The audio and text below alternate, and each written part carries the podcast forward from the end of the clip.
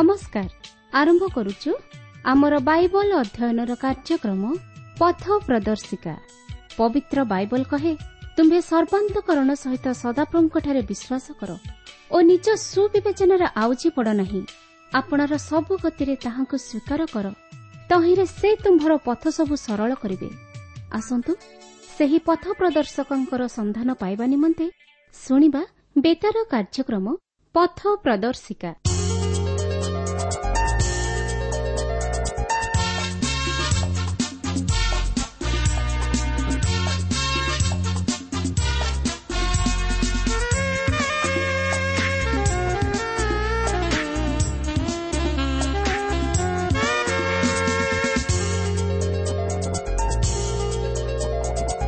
ଆସିବେ ଦିନେ ରାଜାଙ୍କ ରାଜା ପ୍ରସ୍ତୁତ ଆମେ ରହିବା ଏ ସାରା ଜଗତ ଯୀଶୁଙ୍କୁ ଦେଖିବ ପ୍ରସ୍ତୁତ ଆମେ ରହିବା ତୁମେ ପ୍ରସ୍ତୁତ ହୁଅ ପ୍ରସ୍ତୁତ କର ଆଗମନ ନିକଟ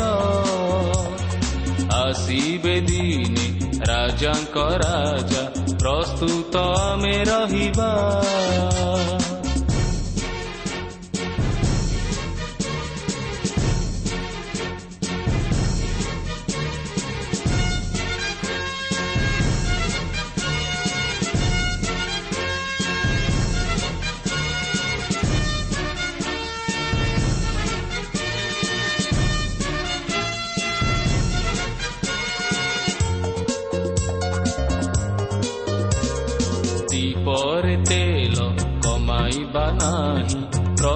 ତମେ ରହିବା। ଦୀପରେ ତେଲ କମାଇବା ନାହିଁ। ପ୍ରସ୍ତୁତ ଆମେ ରହିବା। ତୋଡ଼ାକୁ ମାଟିରେ ପୋତିବା ନାହିଁ। ପ୍ରସ୍ତୁତ ଆମେ ରହିବା। ତୁମେ ପ୍ରସ୍ତୁତ ହୁଅ ପ୍ରସ୍ତୁତ କର। ଆଗମନ ରାଜାଙ୍କ ରାଜା ପ୍ରସ୍ତୁତ ଆମେ ରହିବା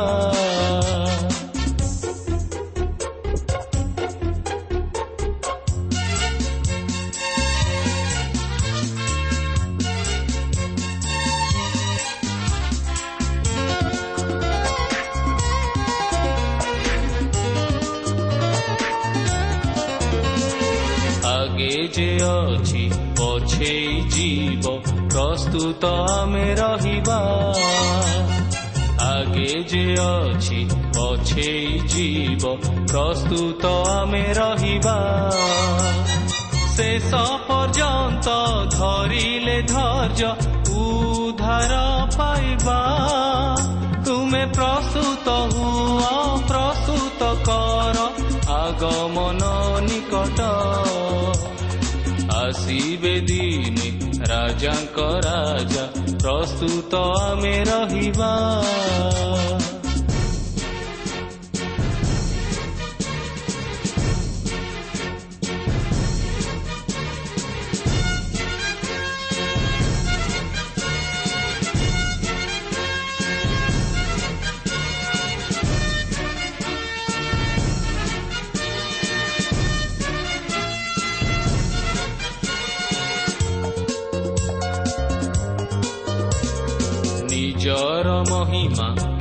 ଚିହ୍ନି ନ ଖୋଜି ପ୍ରସ୍ତୁତ ଆମେ ରହିବା।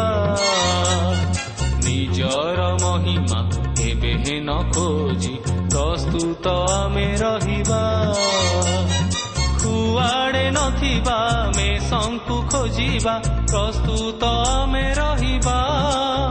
ତୁମେ ପ୍ରସ୍ତୁତ ହୁଅ ପ୍ରସ୍ତୁତ କର ଆଗମନ ନିକଟ ଆସିବେ ଦିନେ ରାଜାଙ୍କ ରାଜା ପ୍ରସ୍ତୁତ ଆମେ ରହିବା ଆସିବେ ଦିନେ ରାଜାଙ୍କ ରାଜା ପ୍ରସ୍ତୁତ ଆମେ ରହିବା ଏ ସାରା ଜଗତ ଯୀଶୁଙ୍କୁ ଦେଖିବ ପ୍ରସ୍ତୁତ ଆମେ ରହିବା ତୁମେ ପ୍ରସ୍ତୁତ ହୁଅ ପ୍ରସ୍ତୁତ କର আগমন নিকট ତୁମେ ପ୍ରସ୍ତୁତ ହୁଅ ପ୍ରସ୍ତୁତ କର ଆଗମନ ନିକଟ ପ୍ରିୟତା ବନ୍ଧୁ ଆଜିର ଏହି ଶୁଭ ଅବସରରେ ଆମମାନଙ୍କର ଉଦ୍ଧାରକର୍ତ୍ତା ପ୍ରଭୁ ଯୀଶୁଖ୍ରୀଷ୍ଟଙ୍କ ବହୁମୂଲ୍ୟ ନାମରେ ଶୁଭେଚ୍ଛା ଜଣାଏ ଆଜିର ଏହି ପଥ ପ୍ରଦର୍ଶିକା କାର୍ଯ୍ୟକ୍ରମକୁ ଆପଣଙ୍କୁ ସ୍ୱାଗତ ଜଣାଏ ଆପଣଙ୍କର ସହଯୋଗ ନିମନ୍ତେ ବିଶେଷ ଧନ୍ୟବାଦ ଆପଣ ଏହି କାର୍ଯ୍ୟକ୍ରମ ନିୟମିତ ଶୁଣୁ ଆସୁଥିବାର ଜାଣି ଆମେ ମୋତେ ବିଶେଷ ଖୁସି କେବଳ ସେତିକି ନୁହେଁ ଆପଣ ଅନ୍ୟମାନଙ୍କୁ ମଧ୍ୟ ଶୁଣାଇବାରେ ଉତ୍ସାହିତ କରୁଥିବାର ଜାଣି। ଆମମାନେ ଆପଣଙ୍କ ନିକଟରେ ବିଶେଷ ଧନ୍ୟବାଦୀ। ପ୍ରଭୁ ଆପଣଙ୍କୁ ଆଶୀର୍ବାଦ କରନ୍ତୁ ଆହୁରି ଆହୁରି ଆତ୍ମିକ ଜୀବନ ବର୍ଦ୍ଧିଷ୍ଣୁ କରାନ୍ତୁ। ଆସନ୍ତୁ ପ୍ରଭୁଙ୍କର ବାକ୍ୟ ମଧ୍ୟକୁ ଯିବା ପୂର୍ବରୁ ସଂକ୍ଷେପରେ ପ୍ରାର୍ଥନା କରିବା। ପ୍ରିୟ ପବିତ୍ର ପ୍ରଭୁ ସ୍ୱର୍ଗବାସୀ ପିତା ଆମଙ୍କର ଜୀବିତ ଈଶ୍ୱର ପ୍ରତିକାର ବିଶ୍ୱସ୍ତ ପରମେଶ୍ୱର। ପ୍ରଭୁ ତୁମର ପବିତ୍ର ନାମର ଧନ୍ୟବାଦ କରୁଅଛୁ ଏହି ସୁନ୍ଦର ସମୟ ପାଇଁ ତୁମର ଜୀବନ୍ତ ବାକ୍ୟ ପାଇଁ। ପ୍ରଭୁ ତୁମର ବାକ୍ୟ ମଧ୍ୟ ଦେଇ ତୁମେ ଆମମାନଙ୍କ ସହିତ କଥା କୁହ। ତୁମର ପବିତ୍ର ଉପସ୍ଥିତି ଆମମାନଙ୍କୁ ଉପଲବ୍ଧି କରିବା ପାଇଁ ଦିଅ। ଯେତିକି ସମୟ ଧରି ତୁମର ବାକ୍ୟ ଅଧ୍ୟୟନ ବା ଶ୍ରବଣ କରିବୁ ସେଥିନିମନ୍ତେ ଆମମାନଙ୍କୁ ଧୀର ସ୍ଥିର ଚିତ୍ତ ଦାନ କର। ତୁମର ସ୍ୱର୍ଗୀୟ ଆଶୀର୍ବାଦ ଅନୁଗ୍ରହରେ ଆମମାନଙ୍କୁ ପରିପୂର୍ଣ୍ଣ କର। ପ୍ରତ୍ୟେକ ଶ୍ରୋତାବନ୍ଧୁମାନଙ୍କର ମନସ୍କାମନା ତୁମେ ପୂର୍ଣ୍ଣ କର। ଏହି ସମସ୍ତ ପ୍ରାର୍ଥନାମାନଙ୍କର ଉଦ୍ଧାର କର୍ତ୍ତା ଜୀବିତ ପୁନରୁଦ୍ଧିତ ପ୍ରିୟ ପ୍ରଭୁ ଯୀଶୁଙ୍କ ନାମରେ ଏ ଅଳ୍ପ ଭିକ୍ଷା ମାଗୁଅଛୁ।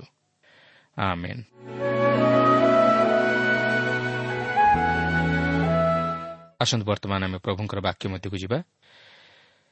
ଆଜି ଆମେ ବିଚାରକତା ପୁସ୍ତକର ପାଞ୍ଚ ପର୍ବଟିକୁ ଅଧ୍ୟୟନ କରିବା ନିମନ୍ତେ ଯିବା। ଆପଣ ମନୋଯୋଗର ସହିତ ଏହା ଶୁଣନ୍ତୁ ଓ ମୋ ସହିତ ଅଧ୍ୟୟନ କରନ୍ତୁ। ଏଠାରେ ମୁଁ ଆପଣଙ୍କୁ ସ୍ମରଣ କରାଇଦିଏ।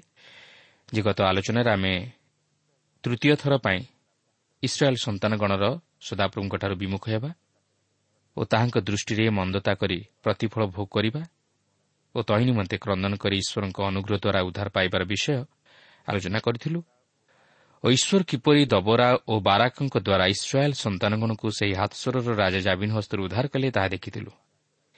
କିନ୍ତୁ ଆଜି ଆମେ ଏହି ପାଞ୍ଚ ପର୍ବରେ ଦବରା ଓ ବାରାକ ସେହି ସମସ୍ତ ବିଷୟକୁ ସ୍ମରଣ କରି ଓ ଈଶ୍ୱରଙ୍କର ସମସ୍ତ ସାହାଯ୍ୟ ଓ ଅନୁଗ୍ରହର ବିଷୟକୁ ସ୍ମରଣ କରି କିପରି ଗୀତ ଦ୍ୱାରା ଈଶ୍ୱରଙ୍କର ପ୍ରଶଂସା କରୁଅଛନ୍ତି ତାହା ଅଧ୍ୟୟନ କରି ଆଲୋଚନା କରିବା ଓ ତହିଁରୁ ଆମମାନଙ୍କର ଆଧ୍ୟାତ୍ମିକ ଜୀବନ ନିମନ୍ତେ କିଛି ଶିକ୍ଷା ଗ୍ରହଣ କରିବା।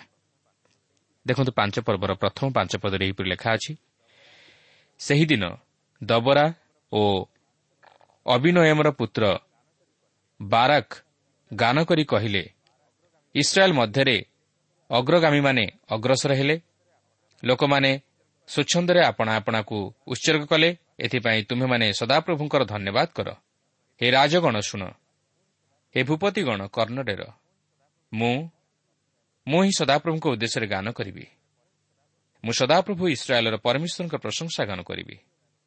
ହେ ସଦାପ୍ରଭୁ ତୁମ୍ଭେ ସେଇରରୁ ବାହାରିବା ବେଳେ ତୁମ୍ଭେ ଇଦମ କ୍ଷେତ୍ରରୁ ଯାତ୍ରା କରିବା ବେଳେ ପୃଥିବୀ କମ୍ପିଲା। ଆକାଶ ମଧ୍ୟ ବିନ୍ଦୁପାତ କଲା। ହଁ ମେଘମାଳା ଜଳପାତ କଲା। ସଦାପ୍ରଭୁଙ୍କ ସମ୍ମୁଖରେ ପର୍ବତମାନ କମ୍ପମାନ ହେଲେ। ସଦାପ୍ରଭୁ ଇସ୍ରାଏଲ ପରମେଶ୍ୱରଙ୍କ ସମ୍ମୁଖରେ ସିନୟ ମଧ୍ୟ କମ୍ପମାନ ହେଲା। ଦେଖନ୍ତୁ ଏହି ଅଂଶରେ ଏହି ଗୀତଟି ଅତି ଚମତ୍କାର। ଗୀତ ଯେଉଁ ଗୀତ ମାଧ୍ୟମରେ ଦବରା ଓ ବାରାକ ସେମାନଙ୍କର ସେହି ବିଜୟର ଅନୁଭୂତିକୁ ଉପସ୍ଥାପିତ କରନ୍ତି। ଈଶ୍ୱରଙ୍କର ସମସ୍ତ ଅନୁଗ୍ରହକୁ ସ୍ମରଣ କରି ତାହାଙ୍କର ମହାନତାକୁ ପ୍ରକାଶ କରି ତାହାଙ୍କର ପ୍ରଶଂସା କରନ୍ତି। ଦବରା ସ୍ୱୀକାର କରି କହନ୍ତି ଯେ ସେ ସ୍ୱଚ୍ଛନ୍ଦରେ ଈଶ୍ୱରଙ୍କର ସେବା କରିବା ନିମନ୍ତେ ଆପଣାକୁ ଉତ୍ସର୍ଗ କଲେ।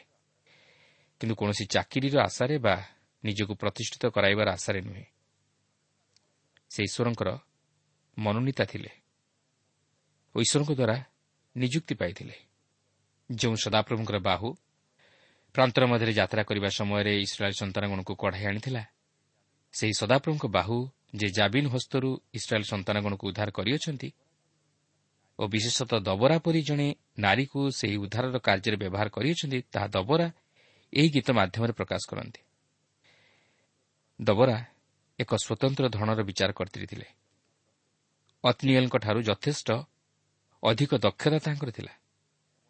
ଯଦିଓ ନାରୀମାନେ କ୍ଷମତା ଆସନକୁ ଆସିବା ପରେ ଲୋକେ ବିଭିନ୍ନ ପ୍ରକାର ସମାଲୋଚନା କରନ୍ତି ଓ ସରକାର ଦୁର୍ବଳ ହୋଇଗଲା ବୋଲି ଭାବନ୍ତି।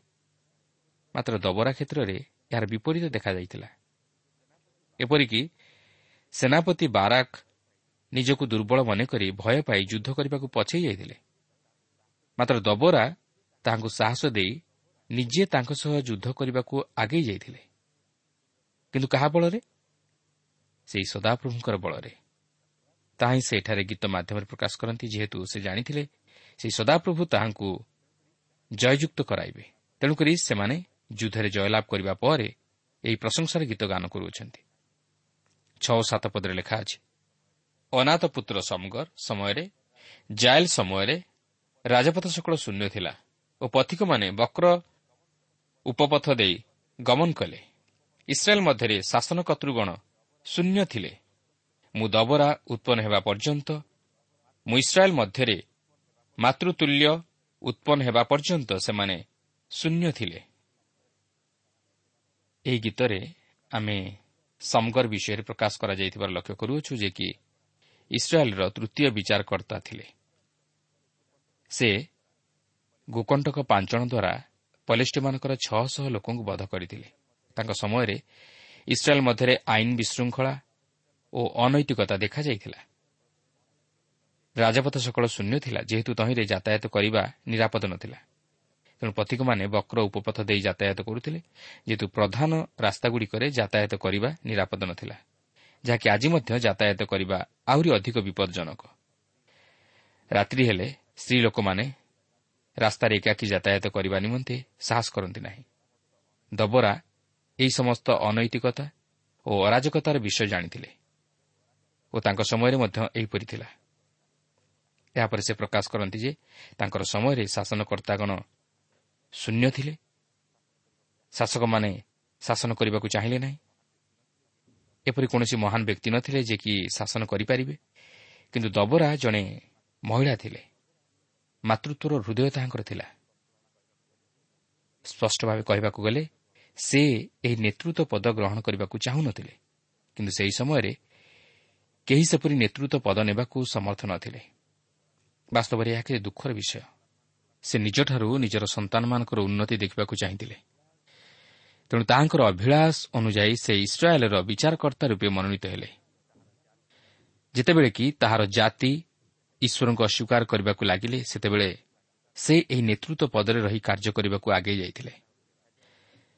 ସାଧାରଣତଃ ଦେଖାଯାଏ ଯେ ସମାଜ ମଧ୍ୟରେ ହେଉ ବା ଖ୍ରୀଷ୍ଟୀୟ ମଣ୍ଡଳୀ ମଧ୍ୟରେ ହେଉ ବା ଦେଶର ଶାସନ କଳରେ ହେଉ ଯଦି କୌଣସି ବିଶୃଙ୍ଖଳା ସୃଷ୍ଟି ହୁଏ ବା କୌଣସି ସମସ୍ୟା ଦେଖାଯାଏ ତାହେଲେ ସେହିପରି ପରିସ୍ଥିତିରେ କୌଣସି ବ୍ୟକ୍ତି କୌଣସି ନେତୃତ୍ୱ ପଦ ବହନ କରିବାକୁ ଇଚ୍ଛା କରନ୍ତି ନାହିଁ। ମାତ୍ର ଦବରାଙ୍କ କ୍ଷେତ୍ରରେ ଏହା ସମ୍ପୂର୍ଣ୍ଣ ଭିନ୍ନ ଥିଲା। ସେ ଏହିପରି ଘଡ଼ିଛନ୍ତି ମୁହୂର୍ତ୍ତରେ ମଧ୍ୟ ନେତୃତ୍ୱ ନେଇଥିଲେ। ଆଠ ପଦରେ ଲେଖା ଅଛି ସେମାନେ ନୂତନ ଦେବତାମାନଙ୍କୁ ମନୋନୀତ କଲେ ତେଣୁ ନଗର ଦ୍ୱାର ସବୁରେ ଯୁଦ୍ଧ ହେଲା। ଇସ୍ରାଏଲ୍ ମଧ୍ୟରେ ଚାଳିଶ ସହସ୍ର ଲୋକଙ୍କ ମଧ୍ୟରେ କି ଗୋଟିଏ ଢାଲ ଅବା ବର୍ଚ୍ଛା ଦେଖାଗଲା। ଏହି ଅଂଶରେ ସେ ତାହାଙ୍କ ସମୟର ପରିସ୍ଥିତିକୁ ଉପସ୍ଥାପିତ କରନ୍ତି କାରଣ ଇସ୍ରାଏଲ୍ ଈଶ୍ୱରଙ୍କୁ ଅସ୍ୱୀକାର କଲେ ଯାହାକି ଆଜି ମଧ୍ୟ ମନୁଷ୍ୟମାନଙ୍କ ଜୀବନରେ ଦେଖାଯାଏ। କେବଳ ଏତିକି ପ୍ରଭେଦ ଯେ ସେମାନେ ନାସ୍ତିକ ହେବା ପରିବର୍ତ୍ତେ ଅନେକ ଦେବତାମାନଙ୍କୁ ପୂଜା କରନ୍ତି। କିନ୍ତୁ ଦବରା ଚାହିଁନଥିଲେ ଯେ ଇସ୍ରାଏଲ୍ ସନ୍ତାନଗଣ ସେପରି ହୁଅନ୍ତୁ। ତେଣୁକରି ସେ ନିଜେ ଦୃଢ଼ତାର ସହିତ ସେହି ପଦକ୍ଷେପ ନେଇଥିଲେ ଯେପରି ସେ ଇସ୍ରାଏଲ୍ ସନ୍ତାନଗଣକୁ ଉଦ୍ଧାର କରିପାରନ୍ତି। ଇସ୍ରାଏଲ୍ର ଏହି ଅବାଧ୍ୟତା ପାଇଁ ସେ ଶାନ୍ତିରେ ବାସ କରିପାରିଲା ନାହିଁ। ସେ ଶତ୍ରୁ ସମ୍ମୁଖରେ ପରାଜିତ ହେଲା ଓ ଶତ୍ରୁ ହସ୍ତରେ ବିକୃତ ହେଲା ଓ ଶତ୍ରୁର ଅଧୀନରେ ଦାସ ହୋଇ ରହିଲା। ତାହାକୁ ସାହାଯ୍ୟ କରିବାକୁ କେହି ନଥିଲା। କାରଣ ମନୁଷ୍ୟ ପାପକୁ ଆଦର କରି କେବେ ହେଲେ ଶାନ୍ତିରେ ବାସ କରିପାରିବ ନାହିଁ। ଅନେକ ଶାନ୍ତିରେ ବାସ କରିବାକୁ ଚାହାନ୍ତି ମାତ୍ର ଅପରପକ୍ଷରେ ପାପକୁ ଛାଡ଼ିପାରନ୍ତି ନାହିଁ। ତେଣୁ ସେମାନେ ଶାନ୍ତି ଅନୁଭବ କରିପାରନ୍ତି ନାହିଁ। କାରଣ ଈଶ୍ୱର ତାହା ଚାହାନ୍ତି ନାହିଁ। ଆମେ କେବେ ହେଲେ ପାପ କରି ଶାନ୍ତିରେ ଜୀବନ ଅତିବାହିତ କରିପାରିବା ନାହିଁ। କିନ୍ତୁ ଶାନ୍ତିରେ ବାସ କରିବାକୁ ହେଲେ ଧାର୍ମିକତାର ଅନୁଗାମୀ ହେବାକୁ ହେବ। ସେଥିପାଇଁ ଗୀତ ସଂହିତା ପଞ୍ଚାଅଶୀ ପର୍ବର ଦଶ ପଦରେ ଲେଖା ଅଛି ଦୟା ଓ ସତ୍ୟତା ପରସ୍ପର ମିଳିତ ହୋଇଅଛନ୍ତି ଧର୍ମ ଓ ଶାନ୍ତି ପରସ୍ପର ଚୁମ୍ବନ କରିଅଛନ୍ତି। ଇସ୍ରାଏଲ୍ ପାପରେ ପତିତ ହେବାରୁ ସେ ନିଃସହାୟ ହୋଇପଡ଼ିଲା ଓ ତାହାକୁ ସାହାଯ୍ୟ କରିବାକୁ କେହି ନଥିଲା ପୁନଶ୍ଚ ନଅ ପଦରେ ଏହିପରି ସେ ପ୍ରକାଶ କରନ୍ତି ଲୋକମାନଙ୍କ ମଧ୍ୟରେ ଆପଣମାନଙ୍କୁ ସ୍ୱଚ୍ଛନ୍ଦରେ ଉତ୍ସର୍ଗକାରୀ ଇସ୍ରାଏଲ୍ର ଶାସନକର୍ତ୍ତାମାନଙ୍କ ଆଡ଼େ ମୋର ହୃଦୟ ଅଛି ତୁମେମାନେ ସଦାପ୍ରଭୁଙ୍କର ଧନ୍ୟବାଦ କର ପ୍ରକୃତରେ ଇସ୍ରାଏଲ୍ର ଅବସ୍ଥା ପୂରାପରି ଖରାପ ନଥିଲା ସେମାନଙ୍କ ମଧ୍ୟରେ ସମସ୍ତେ ଯେ ଖରାପ ଥିଲେ ତାହା ନୁହେଁ ସେମାନଙ୍କ ମଧ୍ୟରେ କେତେକ ଈଶ୍ୱର ଭୟକାରୀ ଶାସକମାନେ ମଧ୍ୟ ଥିଲେ। ସେମାନଙ୍କ ପ୍ରତି ଯେ ଦବରାର ହୃଦୟ ଅଛି ଓ ସେ ଯେ ସେମାନଙ୍କୁ ସାହାଯ୍ୟ କରିଅଛି ତାହା ଦବରା ସେମାନଙ୍କୁ ଜଣାଇ ଦେବାକୁ ଚାହିଁଥିଲା। ମାତ୍ର ସେ ସେହି ଈଶ୍ୱର ଅଗ୍ରାହ୍ୟକାରୀ ଜନତାଙ୍କୁ ଅଗ୍ରାହ୍ୟ କରିଥିଲା। ଏହାପରେ ଦଶ ଓ ଏଗାର ପଦରେ ଏହିପରି ଲେଖା ଅଛି ହେ ଶ୍ୱେତ ଗର୍ଦ୍ଧବୀ ଆରୋହୀମାନେ ହେ ଗାଲିଚାରେ ବସିବା ଲୋକମାନେ ଓ ପଥରେ ଗମନକାରୀମାନେ। ତୁମେମାନେ ଗାନ କର। ଧନୁର୍ଦ୍ଧରମାନଙ୍କ ଶବ୍ଦରୁ ଦୂରରେ ଜଳକଢ଼ା ସ୍ଥଳମାନରେ ଲୋକମାନେ ସଦାପ୍ରଭୁଙ୍କ ଧର୍ମକ୍ରିୟା ଓ ଇସ୍ରାଏଲ୍ ମଧ୍ୟରେ ତାହାଙ୍କ ଶାସନ ସମ୍ବନ୍ଧୀୟ ଧର୍ମକ୍ରିୟା ସଂକୀର୍ତ୍ତନ କରିବେ। ସେ ସମୟରେ ସଦାପ୍ରଭୁଙ୍କ ଲୋକମାନେ ନଗର ଦ୍ୱାରକୁ ଓହ୍ଲାଇ ଆସିଲେ। ହେ ଦବରେ ଜାଗ ଜାଗ ଜାଗ ଜାଗ ଗୀତ ଗାନ କର। ହେ ବାରକ ଉଠ। ହେ ଅଭିନୟମର ପୁତ୍ର ଆପଣା ବନ୍ଦୀଗଣକୁ ବନ୍ଦୀସ୍ଥାନକୁ ନେଇଯାଅ। ତ ପ୍ରଧାନମାନଙ୍କ ମଧ୍ୟରୁ ଅବଶିଷ୍ଟ ଥୋକାଏ ଓ ଲୋକମାନେ ଓହ୍ଲାଇ ଆସିଲେ। ସଦାପ୍ରଭୁ ଆମ୍ଭର ସପକ୍ଷ ହୋଇ ସେହି ବୀରମାନଙ୍କ ପ୍ରତିକୂଳରେ ଓହ୍ଲାଇ ଆସିଲେ। ସେହି ଶତ୍ରୁମାନଙ୍କ ଉପରେ ଜୟଲାଭ କରିବା ପରେ ଦବରା ପୁଣି ଥରେ ବାରକକୁ କହନ୍ତି ଆଗ ବଢ଼ିବା ପାଇଁ। କିନ୍ତୁ ସେ ସେହି ଦାୟିତ୍ୱକୁ ବହନ ନ କରିବାରୁ ଦବରା ସେହିପରି ନେତୃତ୍ୱ ପଦରେ ରହି କାର୍ଯ୍ୟ କରିବାକୁ ବାଧ୍ୟ ହେଉଛନ୍ତି। ସେ ଜାଣିପାରିଲେ ଯେ ସଦାପ୍ରଭୁ ବୀରମାନଙ୍କୁ ତାହାଙ୍କ ହସ୍ତରେ ସମର୍ପଣ କରିଅଛନ୍ତି। ସେହି ବୀରମାନଙ୍କ ଉପରେ କର୍ତ୍ତାପଣ ଅର୍ପଣ କରିଅଛନ୍ତି।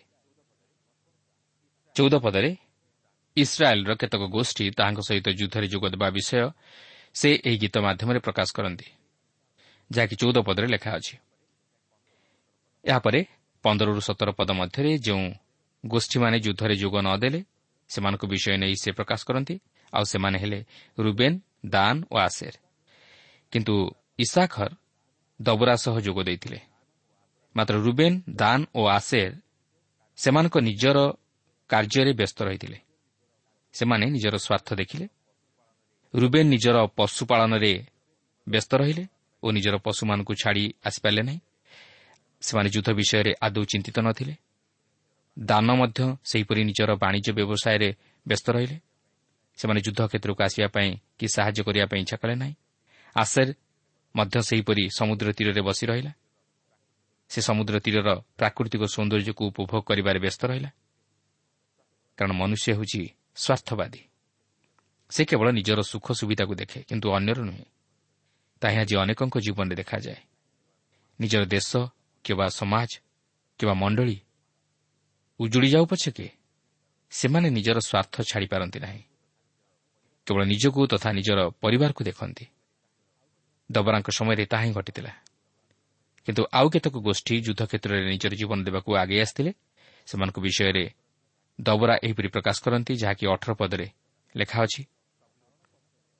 ସବଲୁନ୍ ମରଣ ପର୍ଯ୍ୟନ୍ତ ପ୍ରାଣପଣକାରୀ ଲୋକ ହେଲା ଆଉ ନପ୍ତାଲି ଯୁଦ୍ଧକ୍ଷେତ୍ରର ଉଚ୍ଚସ୍ଥାନ ଉପରେ ପ୍ରାଣପଣ କଲା। ଏହି ଦୁଇ ଗୋଷ୍ଠୀ ପ୍ରକୃତରେ ଯୁଦ୍ଧ କରିଥିଲେ। ଏମାନେ ନିଜର ବ୍ୟକ୍ତିଗତ ସ୍ୱାର୍ଥକୁ ଦେଖିନଥିଲେ ମାତ୍ର ସମୂହ ସ୍ୱାର୍ଥକୁ ଦେଖିଥିଲେ। ଉଣେଇଶ ପଦରେ ଲେଖା ଅଛି ରାଜାମାନେ ଆସି ଯୁଦ୍ଧ କଲେ ତହୁଁ କିଣାନ୍ର ରାଜଗଣ ମଗିଦୋର ଜଳତୀରସ୍ଥ ତାନକରେ ଯୁଦ୍ଧ କଲେ ସେମାନେ କିଛି ରୂପା ଲାଭ କଲେ ନାହିଁ। ଇସ୍ରାଏଲ୍ ମଧ୍ୟରେ କେତେକ ଶରଣାର୍ଥୀ ଥିଲେ ଯେଉଁମାନେ କି ପୂର୍ବରେ ଶତ୍ରୁ ଥିଲେ। ସେମାନେ ସେହି ମଗିଦ୍ୱାର ଜଳ ନିକଟରେ ସାହାଯ୍ୟ କଲେ। କୋଡ଼ିଏ ପଦରେ ଲେଖା ଅଛି ତାରାଗଣ ଆକାଶରୁ ଯୁଦ୍ଧ କଲେ ସେମାନେ ଆପଣା ଆପଣା ପଥରେ ଶିଶରା ବିରୁଦ୍ଧରେ ଯୁଦ୍ଧ କଲେ। ତେବେ ଏହାର ପ୍ରକୃତ ଅର୍ଥ ନୁହେଁ ଯେ ତାରାଗଣ ଯୁଦ୍ଧ କଲେ ମାତ୍ର ଏହା ସ୍ୱର୍ଗକୁ ଉପସ୍ଥାପିତ କରେ ଯେଉଁଠାରେ କି ଈଶ୍ୱରଙ୍କ ସିଂହାସନ। ତେଣୁ ଏଥିରୁ ଜଣାଯାଏ ଯେ ଈଶ୍ୱର ମଧ୍ୟ ଏହି ଶତ୍ରୁମାନଙ୍କ ବିରୁଦ୍ଧରେ ଯାଇଥିଲେ।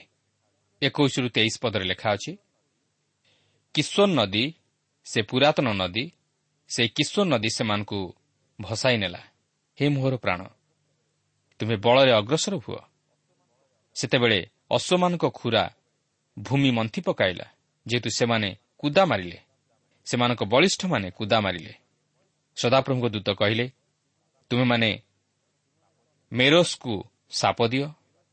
ତୁମେମାନେ ତହିଁ ନିବାସୀମାନଙ୍କୁ ଦାରୁଣ ସାପ ଦିଅ କାରଣ ସେମାନେ ସଦାପ୍ରଭୁଙ୍କ ସାହାଯ୍ୟକୁ ବୀରମାନଙ୍କ ବିରୁଦ୍ଧରେ ସଦାପ୍ରଭୁଙ୍କ ସାହାଯ୍ୟକୁ ଆସିଲେ ନାହିଁ। ଏହି ମେରୋସ୍ ଏକ ସହରର ନାମ କିନ୍ତୁ ଏହାର ଅଧିବାସୀମାନଙ୍କୁ ଚିହ୍ନିବା ସହଜ ନୁହେଁ। ମାତ୍ର ସେମାନେ ପ୍ରଭୁଙ୍କର କାର୍ଯ୍ୟରେ ସାହାଯ୍ୟ କରିବାକୁ ଆସିଲେ ନାହିଁ ଅର୍ଥାତ୍ ସେମାନେ ଯୁଦ୍ଧ କରିବାକୁ ଆସିଲେ ନାହିଁ। ତେଣୁକରି ସେମାନେ ଅଭିଶପ୍ତ ହେଲେ। କାରଣ ଏହି ଯୁଦ୍ଧ ଥିଲା ସଦାପ୍ରଭୁଙ୍କର ଯୁଦ୍ଧ। କିନ୍ତୁ ଏହି ଯୁଦ୍ଧରେ ସେମାନେ ସାହାଯ୍ୟ ନ କରିବାରୁ ପ୍ରଭୁଙ୍କୁ ମଧ୍ୟ ସାହାଯ୍ୟ କରିପାରିଲେ ନାହିଁ। ଆଜି ମଧ୍ୟ ଅନେକ ଏହିପରି ଅଛନ୍ତି ଯେଉଁମାନେ କି ପ୍ରଭୁଙ୍କର କାର୍ଯ୍ୟରେ ସହଯୋଗ କରନ୍ତି ନାହିଁ। ମାତ୍ର ନିଜର ସ୍ୱାର୍ଥକୁ ଦେଖନ୍ତି ଓ ନିଜର ସୁଖ ସୁବିଧାକୁ ଦେଖନ୍ତି। କିନ୍ତୁ ପ୍ରଭୁଙ୍କ ପାଇଁ କୌଣସି ପଦକ୍ଷେପ ନିଅନ୍ତି ନାହିଁ କି ପ୍ରଭୁଙ୍କର ସେବା ପ୍ରତି ସେମାନଙ୍କ ମନରେ ତିଳେ ହେଲେ ଆନ୍ତରିକତା ନଥାଏ। ତେଣୁକରି ସେମାନେ ପ୍ରଭୁଙ୍କର ଅଭିଶାପର ପାତ୍ରପାତ୍ରୀ ହୋଇ ରହିଥାନ୍ତି ଓ ପ୍ରଭୁଙ୍କର ଆଶୀର୍ବାଦ ସେମାନଙ୍କ ପ୍ରତି ନଥାଏ ଏହାପରେ ଚବିଶ ପଦରେ ଏହିପରି ଲେଖା ଅଛି ସ୍ତ୍ରୀମାନଙ୍କ ମଧ୍ୟରେ କେନିୟ ହେବରର ଭାର୍ଯ୍ୟା ଜାଏଲ୍ ଧନ୍ୟ ହେବ ତମ୍ବୁ ନିବାସିନୀ ସ୍ତ୍ରୀମାନଙ୍କ ମଧ୍ୟରେ ସେ ଧନ୍ୟ ହେବ। ସେହି ଯୁଦ୍ଧରେ ଜାଏଲ୍ ପ୍ରକୃତ ହିରୋଇନ୍ ଥିଲା କିନ୍ତୁ ବାରାକ ନୁହେଁ। ହଁ ଜାଏଲ୍ର ଯଦିଓ ସେହି ପ୍ରକାର କାର୍ଯ୍ୟ ଜଘନ୍ୟ ଥିଲା। ମାତ୍ର ସେହିପରି ଏକ ଘଡ଼ିସନ୍ଧି ପରିସ୍ଥିତିରେ ସେ ଶିଶରାକୁ ହତ୍ୟା କରିଥିବାରୁ ସେ ପ୍ରଭୁଙ୍କୁ ସାହାଯ୍ୟ କରିଥିଲା। ଏହାପରେ ଅଠେଇଶରୁ ତିରିଶ ପଦରେ ଦବରା ମାତୃହୃଦୟର ମମତାକୁ ଗୀତ ମାଧ୍ୟମରେ ପ୍ରକାଶ କରିଛନ୍ତି। ଦବରାଙ୍କର ମାତୃହୃଦୟର ମମତା ପ୍ରକାଶିତ ହୋଇଅଛି। ଯଦିଓ ଶିଶରା ତାହାଙ୍କର ଶତ୍ରୁ ଥିଲା ମାତ୍ର ସେ ଶିଶରାର ମାତାର ହୃଦୟର ବେଦନାକୁ ବୁଝିପାରୁଛନ୍ତି। ତେଣୁ ସେ ଶିଶରାର ମାତାଙ୍କ କଥା ସ୍ମରଣ କରୁଛନ୍ତି। କାରଣ ଶିଶରା ପ୍ରତି କ'ଣ ଘଟିଲା ତାହା ତାହାର ମାତା ଜାଣିପାରିଥିଲା। ସେ ଜାଣିଥିଲା ଯେ ଶିଶରା ହତ ହୋଇଅଛି। ସେ ଭାବୁଥିଲା ଶିଶରା ଘରକୁ ଫେରିଆସିବ ମାତ୍ର ଶିଶରା ଆଉ ଫେରିଲା ନାହିଁ। ତେଣୁ ଏହିପରି ଏକ ପରିସ୍ଥିତିରେ ଦବରାଙ୍କର ହୃଦୟ ମଧ୍ୟ ଶିଶରାର ମାତାଙ୍କ ପ୍ରତି ଢଳି ଯାଇଥିଲା। ଯେହେତୁ ସେ ମଧ୍ୟ ଜଣେ ମାତା ଥିଲେ। ଏଠାରେ ବାସ୍ତବରେ ଦବରାଙ୍କର ମାତୃ ହୃଦୟର ଯେଉଁ ବାତ୍ସଲ୍ୟ ମମତା ତାହା ପ୍ରକାଶିତ ହୁଏ। ଏକତିରିଶ ପଦରେ ଏହିପରି ଲେଖା ଅଛି ହେ ସଦାପ୍ରଭୁ ତୁମ୍ଭର ସମସ୍ତ ଶତ୍ରୁ ଏହି ରୂପ ବିନଷ୍ଟ ହୁଅନ୍ତୁ ମାତ୍ର ତାହାଙ୍କ ପ୍ରେମକାରୀମାନେ ସ୍ୱପରାକ୍ରମରେ ଗତିକାରୀ ସୂର୍ଯ୍ୟତୁଲ୍ୟ ହେଉନ୍ତୁ। ଏବୁତାରେ ଚାଳିଶ ବର୍ଷ ପର୍ଯ୍ୟନ୍ତ ଦେଶ ବିଶ୍ରାମ ପାଇଲା। ବାସ୍ତବରେ ସେଦିନ ଇସ୍ରାଏଲ୍ ସନ୍ତାନଗଣ ଯେଉଁପରି ସମସ୍ୟା ମଧ୍ୟ ଦେଇ ଗତି କରୁଥିଲେ ଓ ସେହି ସମୟ ଯେଉଁ ପ୍ରକାର ମନ୍ଦ ସମୟ ଥିଲା ସେହି ସମୟରେ ଦବରାଙ୍କ ପରି ଜଣେ ମହିଳା ଯେଉଁ ସାହସିକତାର ପଦକ୍ଷେପ ନେଇଥିଲେ ଓ ପ୍ରଭୁଙ୍କ ନିମନ୍ତେ ସାହସର ସହ ଛିଡ଼ା ହୋଇଥିଲେ ଓ ଇସ୍ରାଏଲ୍ର ନେତୃତ୍ୱ ନେଇଥିଲେ ତାହା ଭାବିଲେ ଅତି ଆଶ୍ଚର୍ଯ୍ୟ ଲାଗେ। ଇସ୍ରାଏଲ୍ ସନ୍ତାନଗଣକୁ ଉଦ୍ଧାର କରିବା ନିମନ୍ତେ ତାହାଙ୍କ ମନରେ ଯେଉଁ ଇଚ୍ଛା ଜାତ ହୋଇଥିଲା ଓ ପ୍ରଭୁଙ୍କ ପ୍ରତି ତାହାଙ୍କ ମନରେ ଯେଉଁ ଆନ୍ତରିକତା ତଥା ପ୍ରେମ ଜାତ ହୋଇଥିଲା ତାହା ହିଁ ତାହାଙ୍କୁ ଇସ୍ରାଏଲ୍ର ବିଚାରକର୍ତ୍ତା ହେବା ନିମନ୍ତେ ପ୍ରେରଣା ଯୋଗାଇଥିଲା ଓ ଈଶ୍ୱର ମଧ୍ୟ ତାହା ଜାଣିପାରି ତାହାଙ୍କୁ ଉଠାଇଲେ। ଦବରା ସଦାପ୍ରଭୁଙ୍କ ସପକ୍ଷରେ ଛିଡ଼ା ହେବାକୁ ପସନ୍ଦ କରିଥିଲେ ଓ ସଦାପ୍ରଭୁଙ୍କର ଶତ୍ରୁମାନଙ୍କ ବିରୁଦ୍ଧରେ ସ୍ୱର ଉତ୍ତୋଳନ କରିଥିଲେ ଓ ସେମାନଙ୍କୁ ଦମନ କରିଥିଲେ। ସେ ପ୍ରଭୁଙ୍କୁ ପ୍ରେମ କରିଥିଲେ। ପ୍ରିୟ ଭଉଣୀ ପ୍ରଭୁ ଯଦି ଆପଣଙ୍କୁ ସେହି ପ୍ରକାର ଚାଳନା ଦେଉଛନ୍ତି ତାହେଲେ ପ୍ରଭୁଙ୍କ ପାଇଁ ଛିଡ଼ା ହୁଅନ୍ତୁ। ହୋଇପାରେ ଏଥିନିମନ୍ତେ ଆପଣଙ୍କୁ ଅନେକ ସମସ୍ୟାର ସମ୍ମୁଖୀନ ହେବାକୁ ପଡ଼ିପାରେ ଅନେକ ଶତ୍ରୁମାନଙ୍କର ସମ୍ମୁଖୀନ ହେବାକୁ ପଡ଼ିପାରେ। ମାତ୍ର ପ୍ରଭୁ ଆପଣଙ୍କର ସହବର୍ତ୍ତୀ ହେବେ ଓ ସେ ଆପଣଙ୍କ ପାଇଁ ଛିଡ଼ା ହେବେ। ସେ ଆପଣଙ୍କ ପାଇଁ ଯୁଦ୍ଧ କରିବେ। ଓ ସେ ଆପଣଙ୍କୁ ବିପଦରୁ ଓ ଶତ୍ରୁହସ୍ତରୁ ଉଦ୍ଧାର କରିବେ।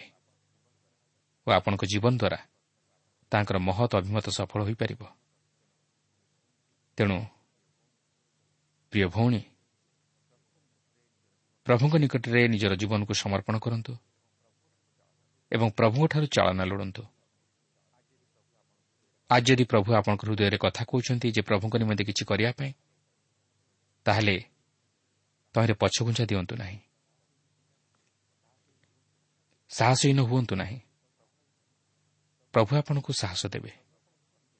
ପ୍ରଭୁ ଆପଣଙ୍କୁ ଶକ୍ତି ଦେବେ। ପ୍ରଭୁଙ୍କ ନିକଟରେ ପୁରୁଷ ଓ ସ୍ତ୍ରୀ ମଧ୍ୟରେ କୌଣସି ପାର୍ଥକ୍ୟତା ନାହିଁ। ସେ ପୁରୁଷକୁ ବ୍ୟବହାର କରିପାରନ୍ତି ସ୍ତ୍ରୀକୁ ମଧ୍ୟ ବ୍ୟବହାର କରିପାରନ୍ତି। ତେଣୁ ନାରୀ ହିସାବରେ ଆପଣଙ୍କର ମଧ୍ୟ ଯଥେଷ୍ଟ କିଛି କର୍ତ୍ତବ୍ୟ ରହିଛି ପ୍ରଭୁଙ୍କ ପାଇଁ କିଛି କରିବା ନିମନ୍ତେ। ଆଉ ପ୍ରଭୁ ତାହା ହିଁ ଆପଣଙ୍କ ଜୀବନରେ ଆଶା କରନ୍ତି।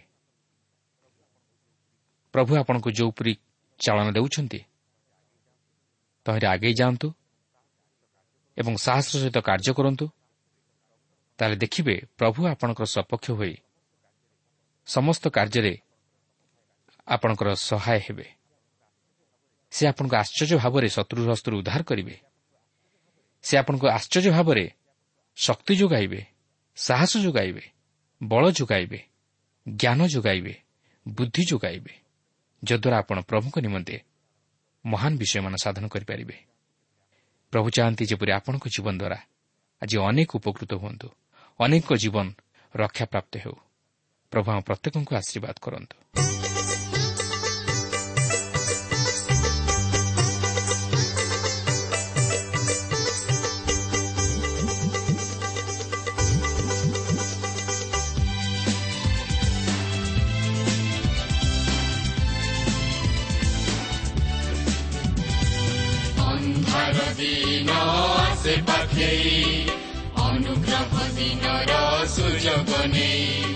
খোলা দৰাৰুৰু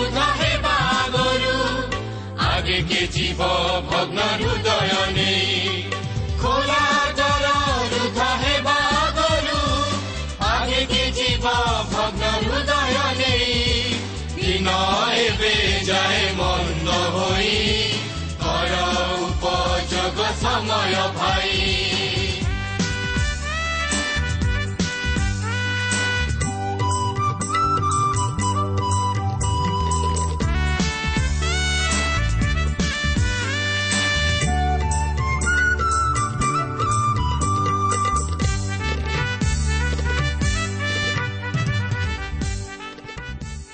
শ্রোতা আমার কার্যক্রম নিয়মিত শুণু অশেষ ধন্যবাদ আপনার এই কার্যক্রম শুণবা দ্বারা আত্মিক জীবনের উপকৃত হয়ে পে বলে আমার বিশ্বাস প্রভু যীশু বিষয়ে অধিক জাণবার আগ্রহ লে অথবা উপাদেয় পুস্তকর আবশ্যক লে আমসহ যোগাযোগ করতু আমার ঠিকনা পথ প্রদর্শিকা trans world radio India post box number তিন তিন ভুবনেশ্বর সাত পাঁচ এক শূন্য শূন্য এক mobile number nine seven double seven double two one four one five ঠিকଣାটি ଆଉଥରେ ଶୁଣନ୍ତୁ ପଥ ପ୍ରଦର୍ଶିକା trans world radio India post box number three three Bhubaneswar seven five one zero zero one mobile number nine seven double seven double two one four one five ଆମର email ଆଡ୍ରେସ୍ଟି ଲେଖି ରଖନ୍ତୁ Odia TTV at radio eight eight two dot com ତେବେ ଆଜି ପାଇଁ ବିଦାୟ ଦିଅନ୍ତୁ।